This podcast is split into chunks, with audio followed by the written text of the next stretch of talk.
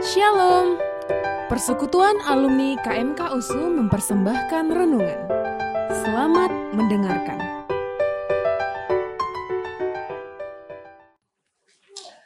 Shalom saudara-saudara.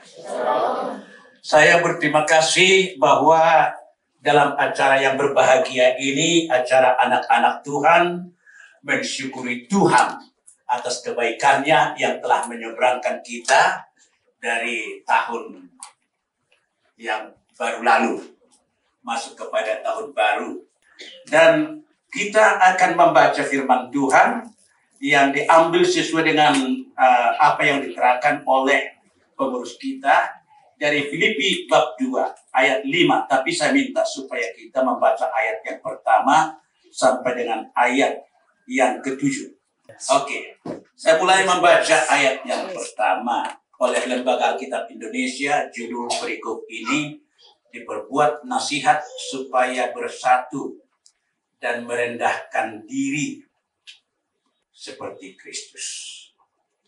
Jadi karena dalam Kristus ada nasihat, ada penghiburan kasih, ada persekutuan roh, ada kasih mesra dan belas kasihan. Semuanya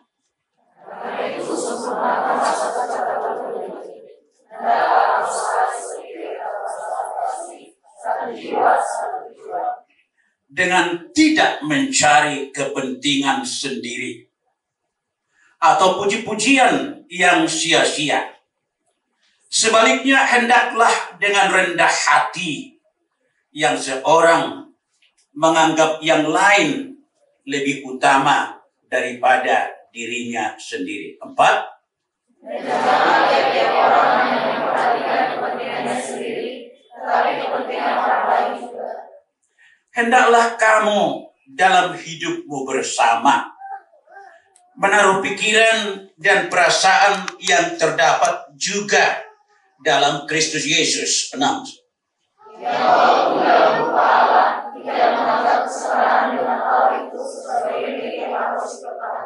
Tujuh bersama.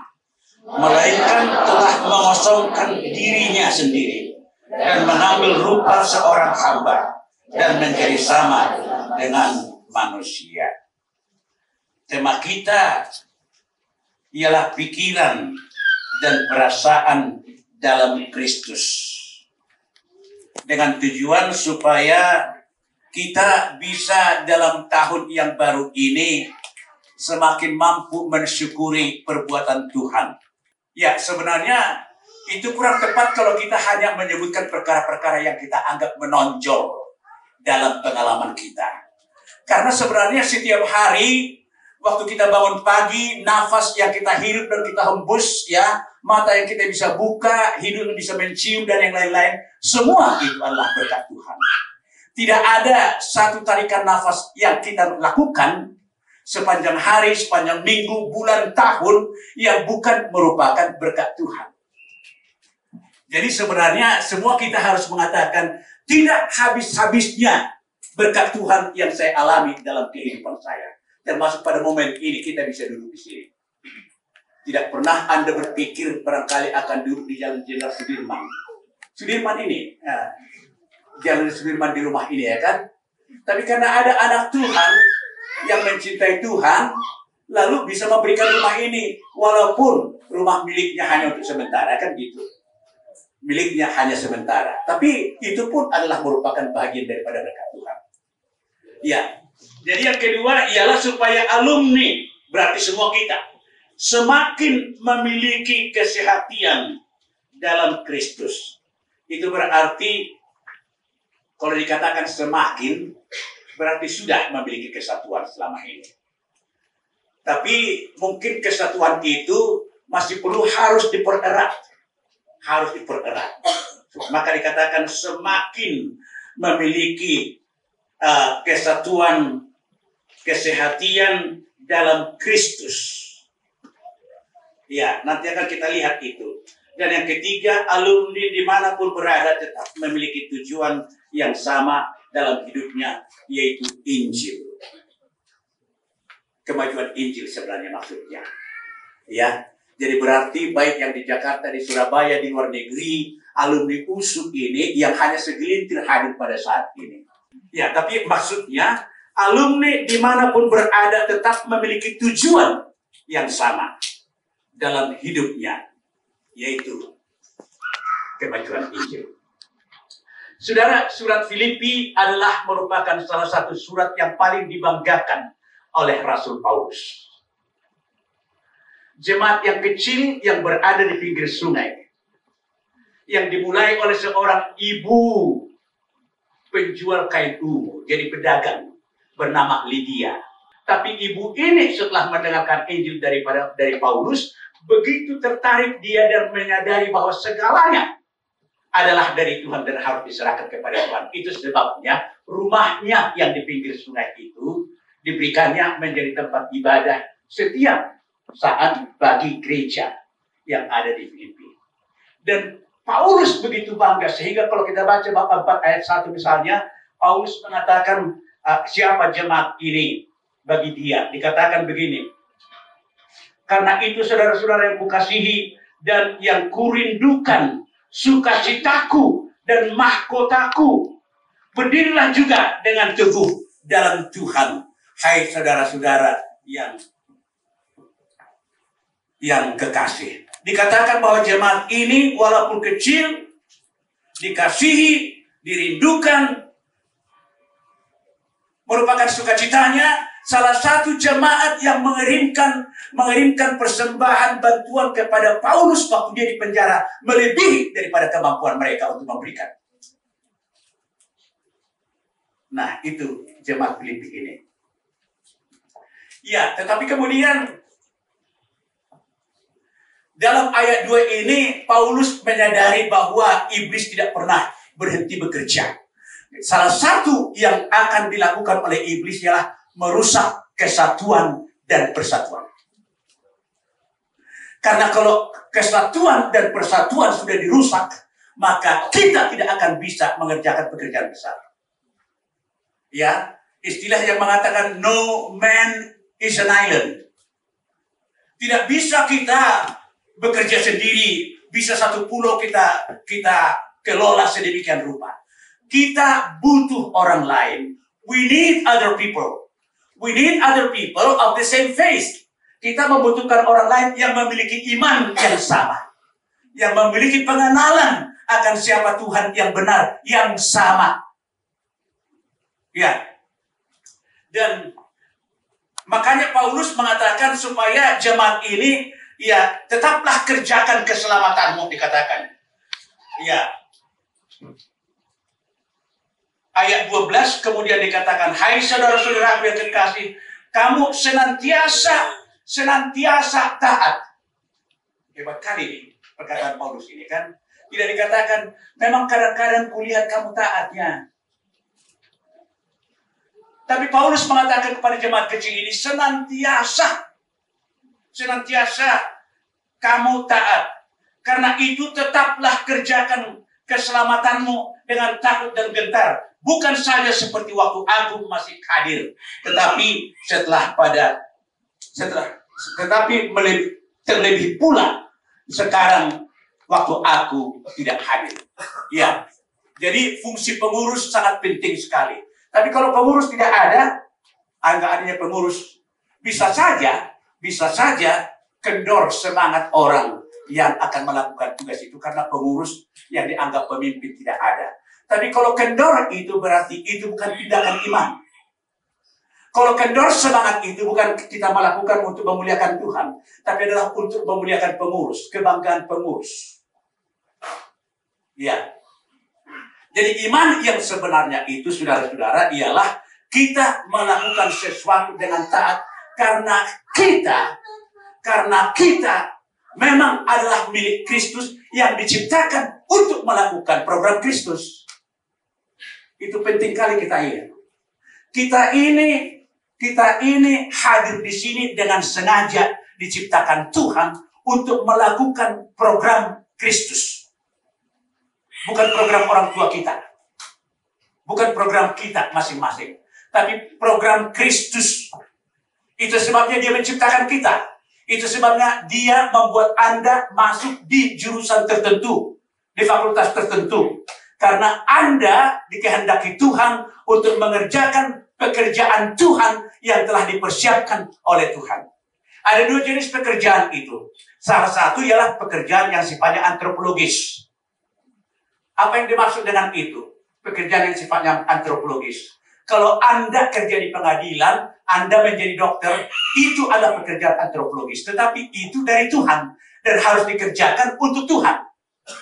Tapi ada pekerjaan yang kedua, di mana Tuhan memberikan kepada kita karunia pelayanan. 1 Korintus 12 sampai ke 1 Korintus 14. Di mana kalau kita bersebut seperti ini, ada yang memimpin pujian, karena diberikan kepada dia karunia pelayanan untuk memuji Tuhan.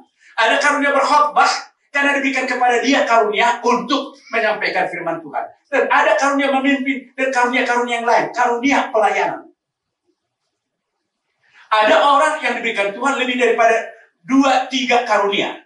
Ya, kita ingat perumpamaan talenta itu yang memiliki lima karunia mempergunakan lima karunia itu. Yang memiliki dua karunia memakai dua karunia. Tapi yang memiliki satu karunia menyembunyikan karunia itu dan tidak dipakai. Dan Tuhan mengatakan dia ini orang jahat. Dia ini orang jahat. Jadi kalau lima karunia kita miliki atau dua karunia kita miliki, hanya satu kita pakai, termasuk kita orang jahat. Saya selalu katakan itu saudara-saudara. Di gereja kami saya merasa saya ini saya ini selalu mengalami pengalaman yang aneh. Coba saudara bayangkan bahwa dari kantor pusat saya ditetapkan untuk memimpin, mengadakan penyegaran-penyegaran kepada para pendeta-pendeta di KPI. Tapi di gereja kami di Jalan Sriwijaya, Medan Kota, belum pernah satu kali pun saya khotbah. Jangankan di gereja pada hari Minggu seperti ini. Di WET pun, di sektor pun saya tidak pernah diminta khotbah. Sampai orang bertanya-tanya, mengapa? Bukan karena saya tidak mau. Tapi orang bertanya, mengapa Pak Victor itu tidak pernah diundang khotbah? Sampai langsung kepada pendeta dibilang itu. Di depan saya, habis kebaktian minggu seperti tadi. Ada ada bapak di depan saya, lalu terus disalam pendeta.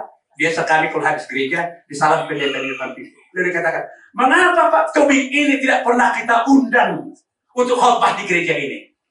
Tapi saya berpikir begini, apa pun kesempatan yang diberikan Tuhan dengan talenta yang diberikan Tuhan kepada saya, saya akan mau.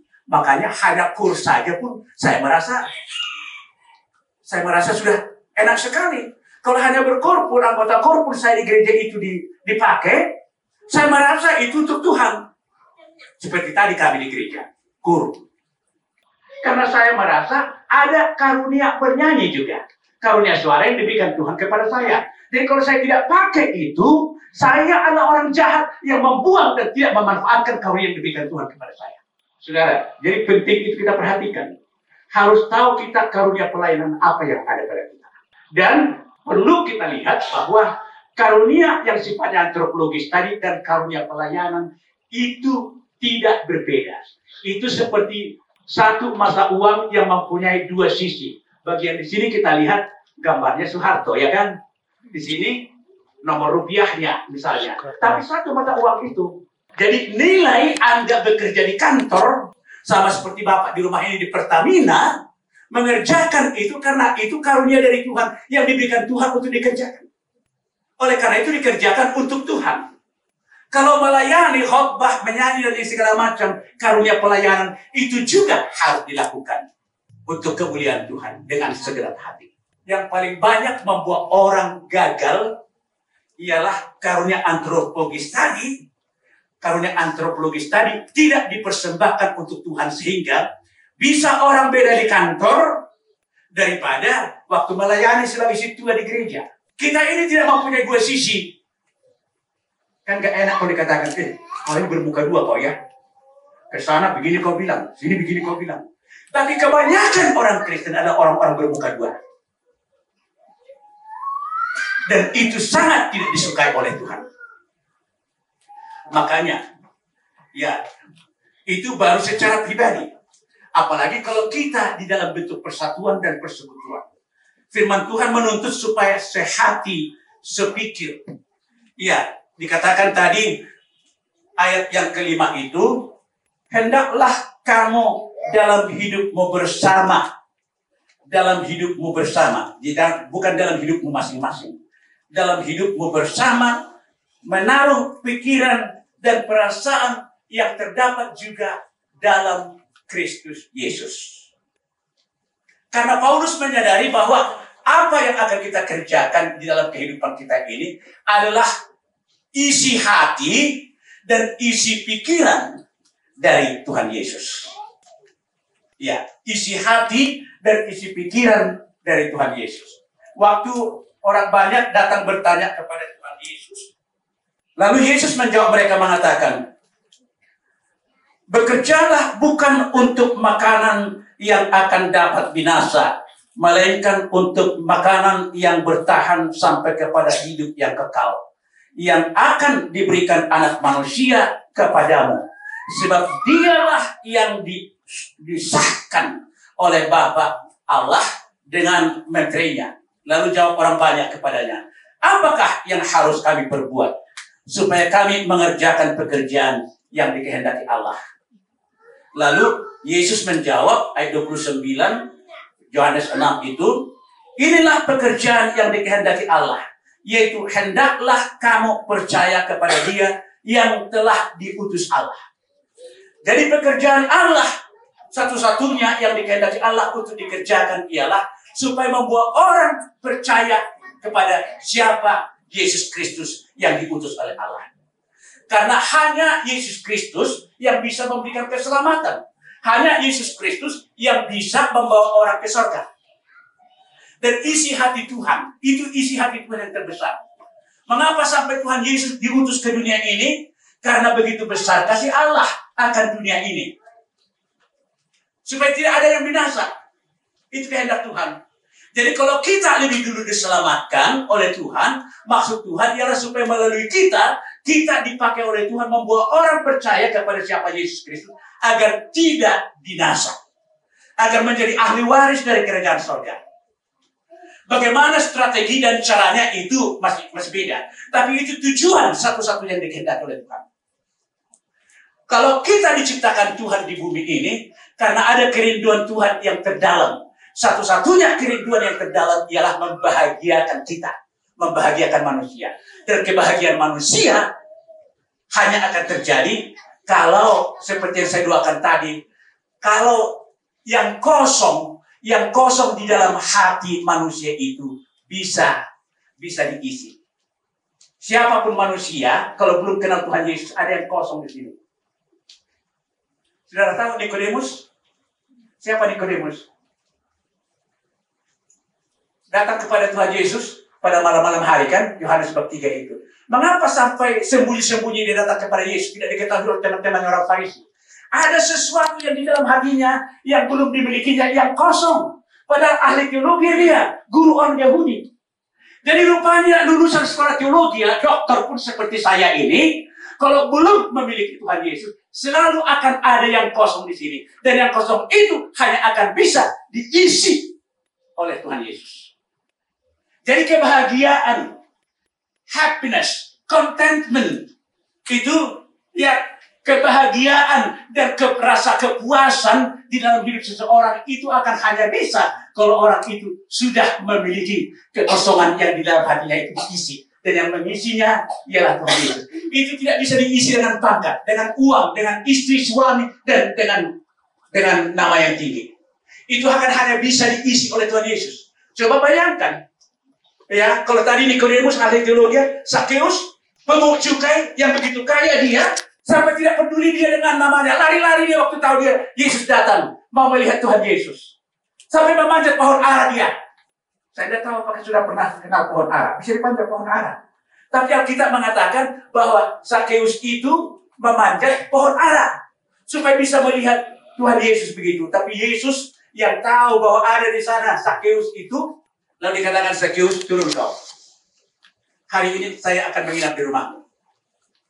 Lalu Zacchaeus merasa bahwa bahagia sekali dia karena Yesus memanggil dia. Yesus mau bersahabat dengan dia. Lalu dikatakan, kalau ada yang kutipu, lima kali lipat akan kukembalikan. Separuh dari kekayaanku ini akan kuberikan kepada orang miskin. Dan kalau ada yang kutipu selama saya menjabat menjadi pemungut cukai, akan lima kali lipat kembalikan. Gak ada dituntut Yesus dari dia kayak gitu. Tapi karena Yesus sudah ada di sini, rasa puas itu sadar dia, sadar dia bahwa dia harus berbuat untuk Tuhan. Jadi saudara-saudara, orang yang sudah memiliki hak kekosongan ini terisi di dalam hidupnya, pasti dia, pasti, pasti, pasti dia merindukan untuk berbuat bagi Tuhan. Jadi kalau ada adik-adikku yang saya kasihi merasa ah sudahlah ya datang aja pun sudahlah kayak gitu dan tidak ada api yang bergelora di sini untuk melakukan sesuatu. Diragukan. Apakah Anda benar-benar sudah memiliki Tuhan Yesus? Bisa seperti Nikodemus tadi itu. Sudah mengajar, sudah memimpin ibadah dia. Kalau mata jasmani ini melihat, oh ini orang percaya sudah. Tapi belum tentu, saudara-saudara. Ya, tapi kalau orang yang sudah dipuaskan oleh Tuhan, sanubarinya itu, saudara-saudara, maka dia tanpa disuruh pun berpikir, apa ya? Apa ya? Saudara, waktu saya pertama terima Tuhan Yesus, saudara apa yang terjadi? Sepanjang sungai Babua, tidak ada yang menyuruh saya jalani, saya kunjungi orang-orang Cina, orang-orang apa. Dulu orang Cina pemungut botolnya, tukang botol. Sekarang ya tidak ada orang Cina botol. Kalau dulu betul betul naik sepeda orang Cina itu di pinggir sungai sana miskin sampai ke kampung baru sana. Saya jalani terus terus berapa bulan itu sampai kemudian banyak di antara mereka yang percaya saya bawa ke gereja GKP sini percaya. Harusnya harusnya tahun 68 1968 sudah ada jemaat berbahasa Indonesia di GKP. Tapi pendeta justru menolak. Pergi ke penjara, jalan listrik. Tidak ada yang menyuruh. Waktu saya mau dipukul dengan popor senjata itu, dikatakan, siapa yang nyuruh kau? Saya bilang, ya Tuhan Yesus. Ada surat dari gereja? Enggak ada. Gereja mana? Di KP Sri Siapa pendetanya? Pendeta Markus. Jadi enggak ada surat? Enggak ada. Jadi siapa yang suruh? Tuhan Yesus. Siapa yang mau? Saya kasih tahu Victor. Tiga ronde saya begitu. Jawabnya tetap sama. Lalu akhirnya penjaga di ronde kedua mau tampil ronde ketiga. Tobing! Ada kawanmu Tobing di sini yang gila. Lalu Tobing di grup tiga itu datang. Siapa panggil saya di Tobing di sini? Ini, ini Tobing. Tobing kau? Iya. Siapa namamu? Mana tinggal? Gereja mana? Siapa yang nyuruh? Tuhan Yesus, saya bilang. Tobing nomor berapa kau? Nomor 15. Ya saya 17 katanya. Atau saya bilang. Dan itulah kalimat yang satu itu yang dipakai Tuhan membuka pelayanan di penjara listrik sampai ulung tebu. Percaya kepada Tuhan Yesus. Selama tiga tahun, kemis minggu, kemis minggu, dua kali satu minggu saya pergi ke penjara. Tidak ada yang nyuruh. Karena saya merasa yang di penjara sana juga Yesus sangat cintai. Sama seperti saya. Yang tadinya sudah terlunta-lunta. Dicintai Tuhan Yesus. Dan itu isi hati Tuhan. Itu isi hati Tuhan. Karena manusia semua yang di bumi ini sudah berdosa, dirindukan Tuhan supaya menjadi ahli waris kerajaan surga. Dan itu hanya akan terjadi kalau ada orang yang disuruh oleh Tuhan untuk memberitakan single message. Single message. Berita tunggal. Yaitu bahwa Yesus Kristus adalah juru selamat dunia. Yang harus didengarkan oleh semua manusia di dunia ini. Untuk itulah kita dipilih Tuhan lebih dulu, saudara-saudara. Jadi bukan semata-mata Anda kemudian hanya sekedar menuntut ilmu, lalu diutus ke usu. Enggak. Ada maksud Tuhan. Supaya di usu Anda, Anda, sorry lah mungkin ya, ini pengalaman dengan dengan adik-adik yang sedang diusu. Enggak tahu apakah ada yang di sini. Supaya di usu Anda bisa mendengarkan tentang dengan jelas tentang Tuhan Yesus Kristus yang tidak pernah diberitakan oleh ayah dan ibumu. Sampai para mahasiswa itu nangis. Mengapalah ayahku dan ibuku tidak memberitahukan kepada saya bahwa Yesus adalah juru selamat yang harus saya terima. Makanya kalau kita tidak rindu pulang ke kampung untuk berbicara kepada ayah dan ibu kita tentang Yesus Kristus sementara kita tahu bahwa kita bahkan dalam hati kita bertanya-tanya, Tusur guru bapak komolo mate. Tusur guru omak komolo mate. Sudah dia capek menyekolahkan, makan ikan asin pun barangkali tidak dia, mereka di rumah untuk mengumpulkan dana supaya kita bisa sekolah. Tapi sudah tamat kita, sudah bekerja kita. Pernahkah kita terpikir ke surga kah bapakku ini kalau meninggal? Itu sebabnya saya yakin kita akan selalu merindukan untuk pergi ke kampung kita, ke gereja asal kita, untuk memberitakan Injil karena lihat apa yang terjadi di desa sana. Itu pengalaman kami di Yayasan YPDPA. Maka sebentar minggu harus pergi ke desa-desa. Begitu mengerikan kehidupan orang Kristen. Saudara, apa yang harus kita lakukan? Yesus tadi mengatakan, kehendak Bapa di sorga ialah supaya orang percaya siapa yang diutus oleh Allah untuk menyelamatkan itu Yesus Kristus. Makanya Yesus mengatakan, Bapakku bekerja sampai sekarang, maka aku pun bekerja juga. Sebenarnya kalau kalau bahasa aslinya mengatakan begini, Bapakku masih sedang bekerja sampai sekarang dan aku pun sedang bekerja juga. Dengan kata lain, no no single moment yang terbuang sedemikian rupa. Bapak di sorga itu terus menerus bekerja. Maka dikatakan Bapak yang tidak pernah tertidur, tidak pernah terlelap untuk memelihara, untuk memberkati kita manusia yang berdosa yang tidak layak diberkati ini. Supaya kita ke sorga. Itu sebabnya gereja berdiri supaya gereja itu merupakan badan yang dipakai Tuhan untuk memberitakan Injil. Tapi kalau saya lihat gereja kami tiga kali ibadah, pabrik penuh, bukan hasil pelayanan, tapi oleh karena mahasiswa yang dilayani di USU itu berpikir bahwa hari Minggu harus ke gereja. Bukan karena si tua kami pergi, eh datang kliennya ke tempat tempat kos itu misalnya. Gak ada itu. Bagaimana di gereja saudara? Apa kerja si tua? Nah sekarang kalau pada bab 4 kemudian Paulus mengatakan Eunika ku nasihati, Sintika ku nasihati dikatakan ya pada bab 4 itu. Oh, Ewodia, Ewodia ku nasihati dan Sintika ku nasihati. Dua pemimpin wanita yang sangat menonjol berjasa di gereja Filipi berkelahi. Ku minta saudaraku Sun Sugos ada laki-laki yang kota jemaat biasa pergilah kepada mereka berdua. Mengapa? Mengapa anak-anak Tuhan yang diharapkan Tuhan memiliki kesatuan hati dan kesatuan pikir? Sampai Paulus mengatakan demikian, hendaklah kamu dalam hidup bersama menaruh pikiran dan perasaan yang ada dalam Kristus Yesus. Berarti kita yang telah ditebus menjadi milik Tuhan Yesus, kita harus satu pikir dan satu isi hati dengan Tuhan Yesus yang menciptakan kita dan yang sudah menyelamatkan kita. Maka dikatakan tetaplah kerjakan keselamatanmu dengan takut dan gentar. Bukan berarti bahwa keselamatan itu hasil kerja kita. Tapi maksud Paulus ialah tetaplah engkau berusaha untuk menunjukkan bahwa kau adalah orang yang sudah diselamatkan. Jangan menjadi undur. Jangan menjadi lain motivasinya. Maka dari katakan ayat yang ketiga dengan tidak mencari kepentingan sendiri. Yang kedua, dan tidak mencari puji-pujian yang sia-sia. Sebaliknya, hendaklah dengan rendah hati yang seorang menganggap yang lain lebih utama daripada dirinya sendiri. Tidak mementingkan diri sendiri.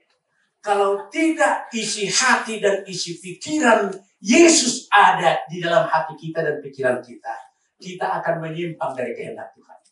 Kita akan menjadi orang-orang yang seperti ini, mementingkan diri sendiri, mementingkan kepentingan sendiri, mencari puji-pujian dan yang lain-lain. Pasti itu, pasti. Saudara, saya merasa heran kalau Benny Hinn, pernah kita dengarkan itu nama, nama penginjil, pendeta yang yang memprakarsai teologi yang kemakmuran. Sekarang berkhotbah dia kepada jemaat buat saya minta maaf karena pengajaran saya teologi yang saya sudah salah selama 30 tahun lebih. Ditunjukkan dolarnya. Bukan ini yang terpenting. Bukan ini. Tapi mengerti isi hati dan pikiran Tuhan untuk kita kerjakan. Saya heran, baru saya post di Facebooknya yayasan kami. Saya katakan banyak hamba Tuhan yang ditipu oleh si iblis dengan khotbah-khotbah yang bukan sesuai dengan isi hati dan pikiran Tuhan. Kalau Stephen Tong mengatakan dari setan, teologi kemakmuran dari setan, ada di antara saudara-saudara yang pergi ke sana. Mungkin tidak pergi ke sana. Apakah Anda berpikir bahwa Tuti, perdiri ini sudah sampai pensiun, dia tidak menikah?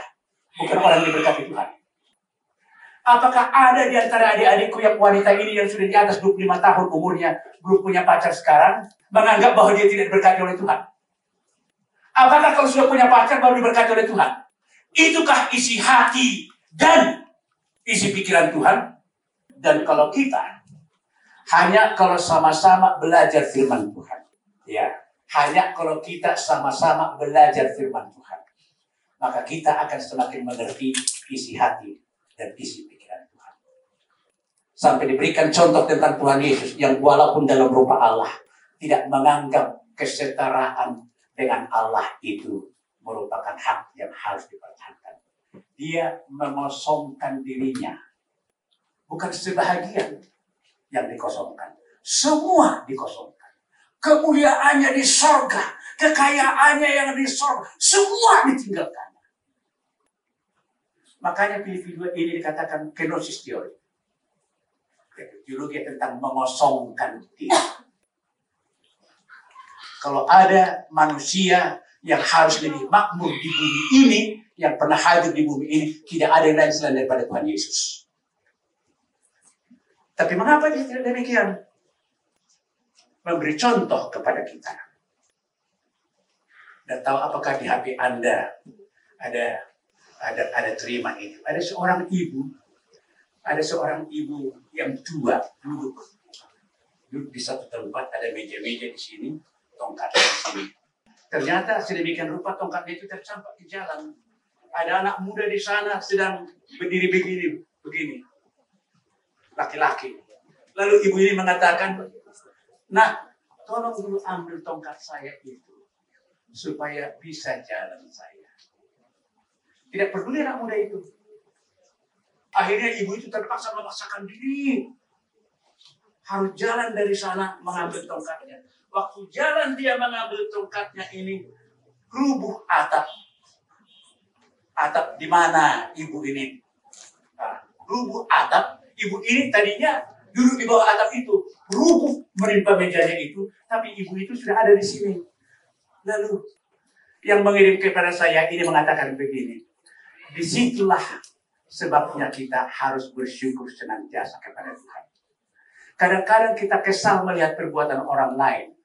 Padahal ada maksud Tuhan untuk menolong kita bisa bersyukur kepada Tuhan. Kalau ibu itu tadinya tidak berangkat karena rasa kesal dari tempat duduknya itu. Mengambil tongkatnya itu. Kalau anak muda itu tidak bandel dia, mengambil tongkat ibu ini kemudian memberikan, maka asap itu sudah akan menimpa dia dan mati di sana. Sering kita dalam kehidupan kita ini, kalau tidak sesuai dengan kehendak kita yang terjadi, maka hati kita kesal, tidak bisa bersuka cita, tidak bisa bersyukur. Padahal firman Tuhan mengatakan, mengucap syukurlah senantiasa. Menjadi sehati sepikir. Saya tahu bahwa kita punya proyek besar. Ya, proyek besar di Kusu ini. Kalau tidak sehati sepikir, tidak akan tercapai proyek itu.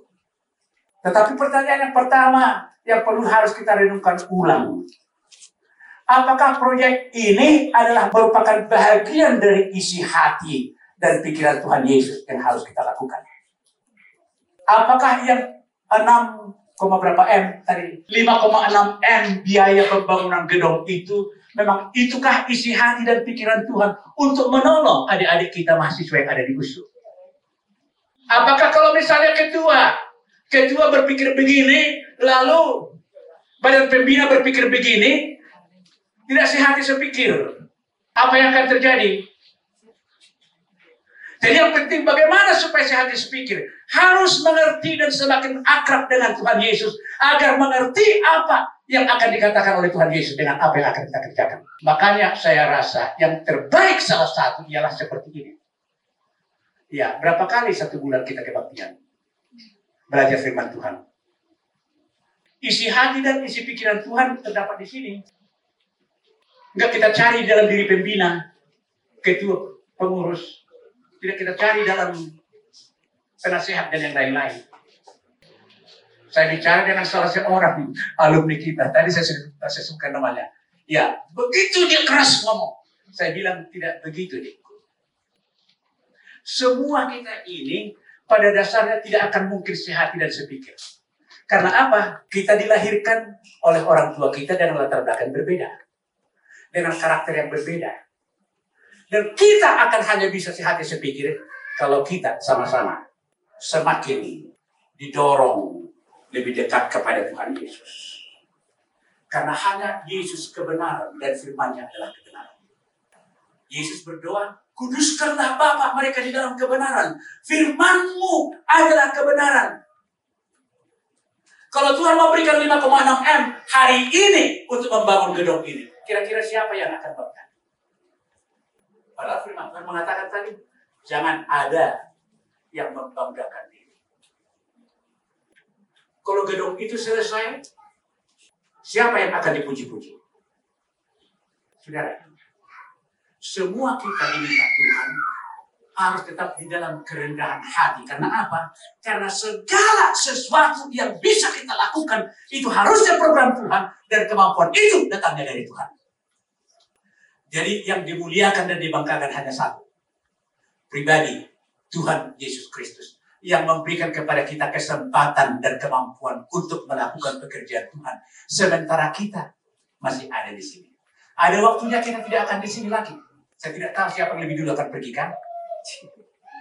Tapi yang di sini, yang di sini perlu kita kerjakan bersama-sama. Karena yang di sinilah kemudian akan bisa membuat orang lain mengenal siapa Tuhan Yesus. Sorga tidak perlu kita urusi. Urusan Tuhan Yesusnya sorga. Maka dia meninggalkan sorga dan datang ke dalam dunia ini untuk memberikan sorga kepada kita. Tapi yang di dunia ini perlu kita urusi. Supaya mengenal Tuhan Yesus dan mereka dibawa oleh Yesus ke sorga. Itu aja. Gak ada tugas kita yang lain. Jadi apakah kita melakukan tugas antropologis tadi atau tugas pelayanan secara khusus seperti sekarang ini? Semua itu, semua itu adalah untuk Ya, jadi jangan tunggu sampai diprogramkan persekutuan alumni usul. Oke, ke Sibaganjinglah kita ya ke kampung kamu yang menginjili ya. Jangan ditunggu begitu dulu. Tiga empat orang pergi, kenapa? Kadang-kadang saya berpikir tidak ada yang lebih kejam dari orang Kristen ini. Kenapa? Kalau sudah meninggal, lalu menari-nari mereka kan? Pakai ini, kalau cucu pakai ini, ini kalau kalau main harus pakai yang begini warnanya cantik ini segala macam segala macam menari-nari membawa orang tua itu ke neraka karena selama hidup orang tua itu tidak pernah dia diinjil siapa yang lebih kejam supaya mata hati kita saudara-saudaraku terbuka kalau kita tahu jelas bahwa orang tua kita itu sudah orang yang terima Tuhan Yesus, menari-nari kita mengantar dia ke surga, it's okay, puji Tuhan lah. Saya selalu komentari misalnya orang mengatakan, turut berduka cita. Kok berduka cita orang pergi ke surga? Ke tempat yang jauh lebih baik. Bertemu dengan Tuhan Yesus. Kok berduka cita kita? Harusnya bersuka cita lah. Tapi kita banyak yang latah meniru orang-orang lain. Turut berduka cita, turut berduka cita. Tapi kalau orang itu tidak mau tahu dengan Tuhan, bukan orang percaya, ya berduka cita lah kita. Oleh karena itu, saudara-saudara, mengerti isi hati dan pikiran Tuhan. Saudara ingat barangkali ada 10 orang yang ditolong oleh Tuhan Yesus dari permasalahan mereka. Kemudian hanya hanya satu orang yang datang kepada Yesus untuk berterima kasih. Yang sembilan lagi ke mana? Kalau kita buat penelitian di jemaat kita, Berapa orangkah dari anggota jemaat ini yang selalu siang malam ditolong oleh Tuhan Yesus yang berterima kasih datang kepada Tuhan dengan sungguh-sungguh. Mungkin semua bisa berterima kasih untuk berkatnya itu, bukan untuk si pemberi berkat itu. Kan aneh itu kan? Berkatnya itu kita syukuri, tapi si pemberi berkatnya itu bukan itu yang utama bagi kita. Jadi saudara, Bagaimana kita bisa sehat sepikir? Padahal yang membuat menjadi perekat membuat kita sehat sepikir ialah isi hati dan isi pikiran Tuhan Yesus itu. Oleh karena itu perlu kita bersama-sama belajar isi hati dan pikiran Tuhan itu. Kalau di MIPA, saya sering diundang khotbah, tapi khotbahnya di lapangan bola kecil itu. Karena tidak ada ruangan. Karena harus jalan dari dari dari ke sana jalan kaki, akhirnya tidak banyak yang datang. Tapi saya katakan kepada mereka, puji Tuhanlah. Kalian diuji Tuhan baru jalan dari, gedung kuliah itu untuk kemarin sudah keberatan untuk untuk datang beribadah. Puji Tuhanlah kita di stadion bola ini duduk begini, matahari dari sana, ya apa untuk hal yang seperti itu sudah perlu kita komplain? Padahal sebenarnya Tuhan ingin menunjukkan kepada kita betapa baiknya kita. Gak ada ruangan di sana, masih ada lapangan bola. Iya. Saudara, supaya di dalam semuanya itu kita bisa melihat bahwa banyak hal yang ingin dinyatakan Tuhan kepada kita untuk membuat kita semakin dewasa. Nanti pengurus akan datang, oke saudara-saudara ya, berapa dari kamu untuk membangun? Berapa dari kamu? Berapa dari kamu? Kira-kira apa yang reaksi yang ada di dalam hati kita? Itu tergantung kepada betapa sejauh mana jaraknya isi hati Tuhan dan pikiran Tuhan itu dari isi hati kita dan pikiran kita. Ya, contoh saudara-saudara. Filipus ingin diuji oleh Tuhan Yesus waktu Yesus dan murid-muridnya menyeberang ke seberang sana dari sungai sungai Galilea, eh, Danau Galilea. Lalu sudah banyak orang kumpul di sana. Yesus khotbah di situ sampai sore sudah hampir malam. Orang tidak pulang-pulang. Lalu Yesus mengatakan, Filipus, suruh mereka duduk supaya kita berikan makan. Loh, bagaimana kita bisa memberikan dia makan? Mereka makan. Kalau kita pakai 200 dinari pun untuk membeli makanan tidak cukup bagi mereka.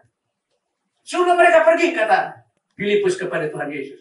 Padahal Yesus ingin menguji Filipus, kira-kira bagaimana hati Filipus dengan orang banyak itu yang kelaparan itu. Lalu ada yang murid yang mengatakan, hanya ada satu anak di sini yang mempunyai lima ketul roti dan dua ekor ikan. Heran juga ya, ada anak yang ikut Tuhan Yesus itu.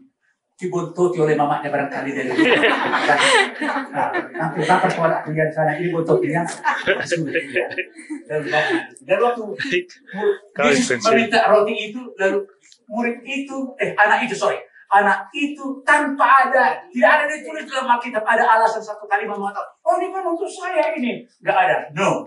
Ini dikasih sama Yesus. Lalu Yesus bersyukur kepada Bapak Surgawi ada anak yang yang memberikan buntutnya itu. Berapa itu ya kan? Tapi waktu Yesus kemudian membagikan itu, yang lima ribu hanya laki-laki itu. Yang perempuan tidak dihitung. Termasuk kira ini wanita-wanita ini. Anak-anak juga tidak dihitung. Padahal biasanya kan lebih banyak wanita daripada pria yang yang ini. Senang dengan perkara-perkara rohani. Lima ribu orang hanya laki-laki. Semua dikasih makan lebih lagi berapa bakul? Hah? 12 bakul. Gak ada ibu-ibu bawa plastik. Lalu selebihnya itu diisi ke plastik. Anak yang sudah kehilangan makanan itu karena diberikan kepada Yesus, ikut juga makan. Bahkan makanan yang berlebihan itu juga saya rasa ada juga sama anak itu. Dibawa pulang ke rumah. Artinya begini saudara-saudara. Kalau kita memberi kepada Tuhan, tidak pernah Tuhan berpikir akan merugikan kita. Diingat itu. Tidak pernah ada sedikit pun di dalam hati Tuhan untuk membuat kita menjadi rugi. Makanya dikatakan cari dulu kerajaan Allah dan kebenarannya. Yang lainnya itu tambah-tambahan.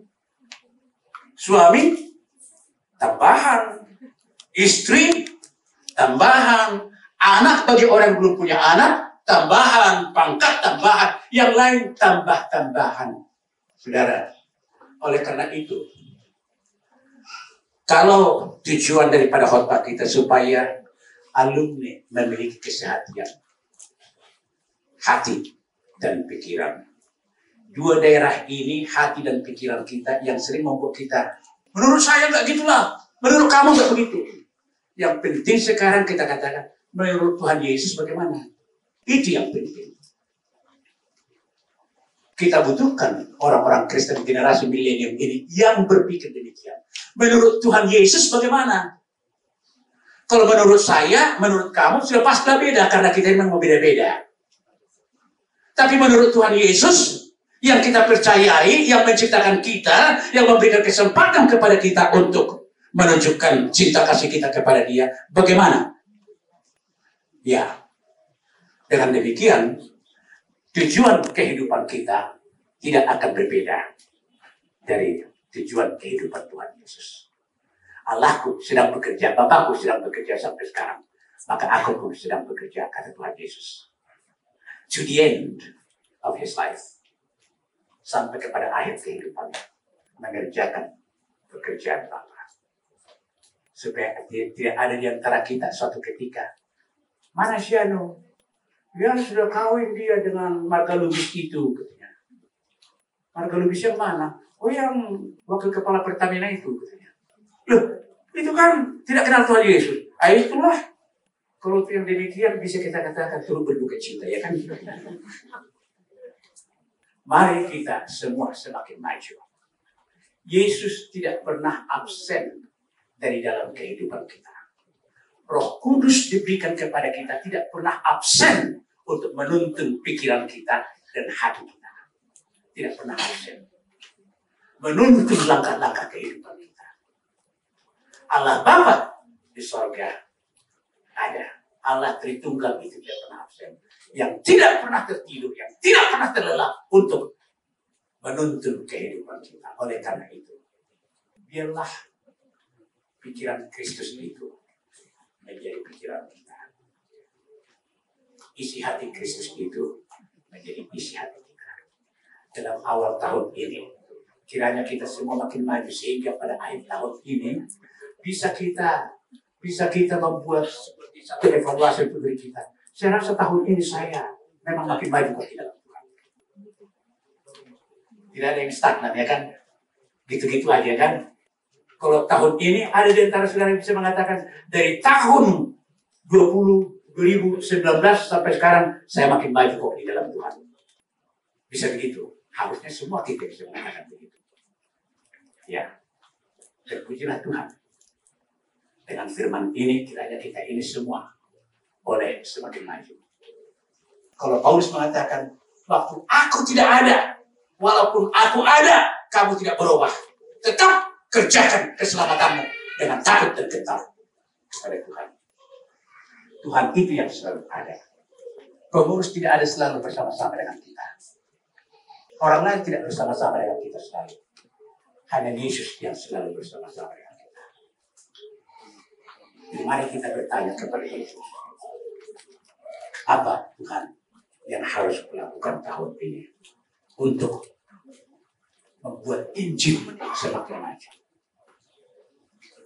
Adakah di antara kita tahun ini membuat resolusi atau persekutuan kita membuat resolusi tahun ini maunya ada orang-orang yang berkerudung-kerudung itu yang datang kepada Tuhan. Anyone, Tuhan memberkati. Amin. Terima kasih Tuhan. Kalau hambamu sekarang akan berhenti untuk berbicara. Tapi engkau adalah Allah yang tidak pernah berhenti berkarya Walaupun secara jasmani kami tidak melihat engkau. Tapi engkau yang sudah berjanji mengatakan aku beserta dengan kamu. Sampai kepada akhir kesudahan zaman. Kami percaya engkau selalu ada. Selalu ada dalam kehidupan kami. Dalam situasi yang bagaimanapun.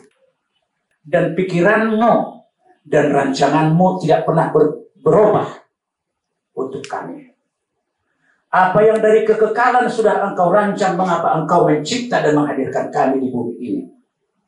Itu tidak pernah berubah.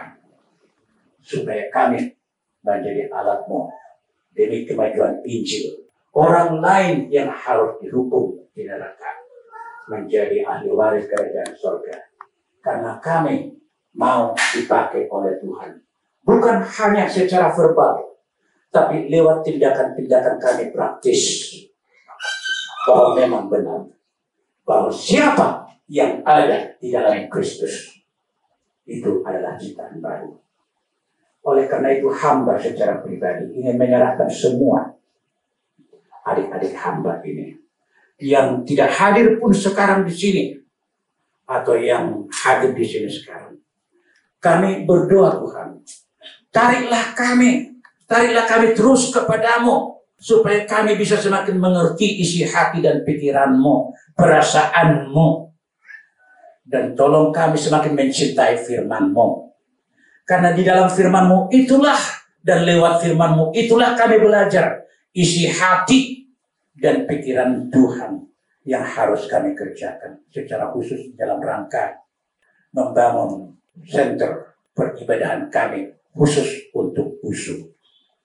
Kami berdoa supaya semakin jelas Tuhan nyatakan kepada pengurus kami semuanya apa isi hati Tuhan itu dan supaya pengurus bisa memberitahukan dengan lebih jelas kepada semua alumni baik yang tinggal di Medan, baik yang di luar kota Medan dan mereka kiranya juga satu hati dan satu pikir dengan kami bahwa apa yang kami rancangkan ini adalah merupakan isi hati Tuhan demi kemajuan Injil.